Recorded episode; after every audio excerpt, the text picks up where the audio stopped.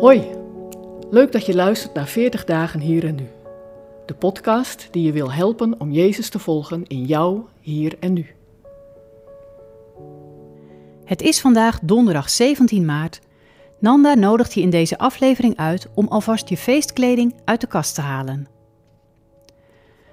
Door de oorlog in Oekraïne is het wat op de achtergrond geraakt. Maar een paar weken geleden werd het nieuws gedomineerd door meldingen van seksueel grensoverschrijdend gedrag. De tekst die we vandaag lezen heeft daar alles mee te maken. Luister maar.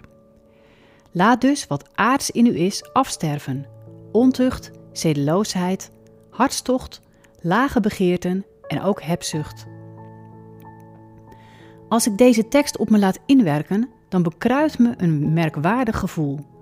Dit gedrag, al dan niet grensoverschrijdend, met of zonder wederzijdse toestemming. Het is van alle tijden en plaatsen. Denken we nu echt dat er deze keer iets wezenlijks zal veranderen? Dat onze nationale moraal, nadat we hier doorheen zijn gegaan, er anders uit zal zien? Nee, denk ik een beetje pessimistisch. Maar zodra ik verder lees, in de brief aan de Colossense, word ik teruggefloten door Paulus. Vroeger was jij ook zo, schrijft hij, maar nu niet meer. De wereld is zo, maar jij bent anders. De mensen om je heen zijn zo, maar jij bent geroepen om met jouw gedrag een ander geluid te laten horen. Waarom? In de eerste versen van hoofdstuk 3 schrijft Paulus over het wonder van Pasen. Hij trekt jou en mij dat levensveranderende verhaal in. Wij zijn samen met Jezus gestorven en ook samen met Hem opgestaan in een nieuw leven.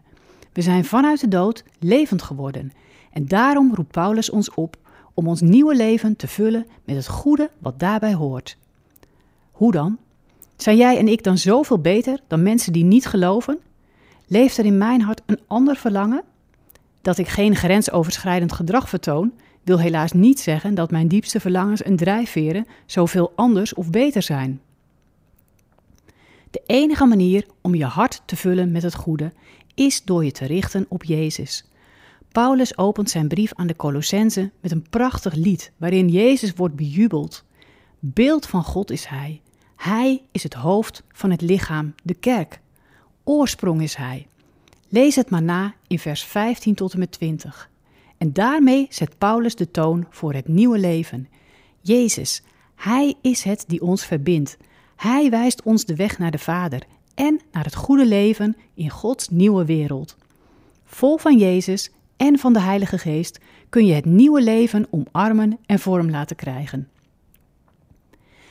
Deze week staan onze verwachtingen van het feest waar we naartoe leven centraal. Het is een feest waarvoor heel diverse gasten zijn uitgenodigd. Vroeger waren zij zondaars, vertoonden ze grensoverschrijdend gedrag, waren ze hebberig of gebruikten ze grove taal. Hé, hey, jij en ik zouden ons zomaar tussen hen thuis kunnen voelen. Klopt, zegt Paulus. En nu je anders bent geworden door de dood en opstanding van onze Heer Jezus Christus, mag je je feestkleren aantrekken. Trek daarom je mooiste feestjurk of je beste pak aan en kleed je in innig medeleven, in goedheid, bescheidenheid, zachtmoedigheid en geduld. Verdraag elkaar en vergeef elkaar. Een opdracht voor vandaag. Tussen het rijtje feestkleren dat Paulus opnoemt, is er vast wel een karaktereigenschap waar jij in kunt groeien. Probeer vandaag heel bewust die eigenschap te oefenen. Hou daarbij het doel voor ogen. Je bereidt je voor op het komende feest. Zegen daarbij toegewenst.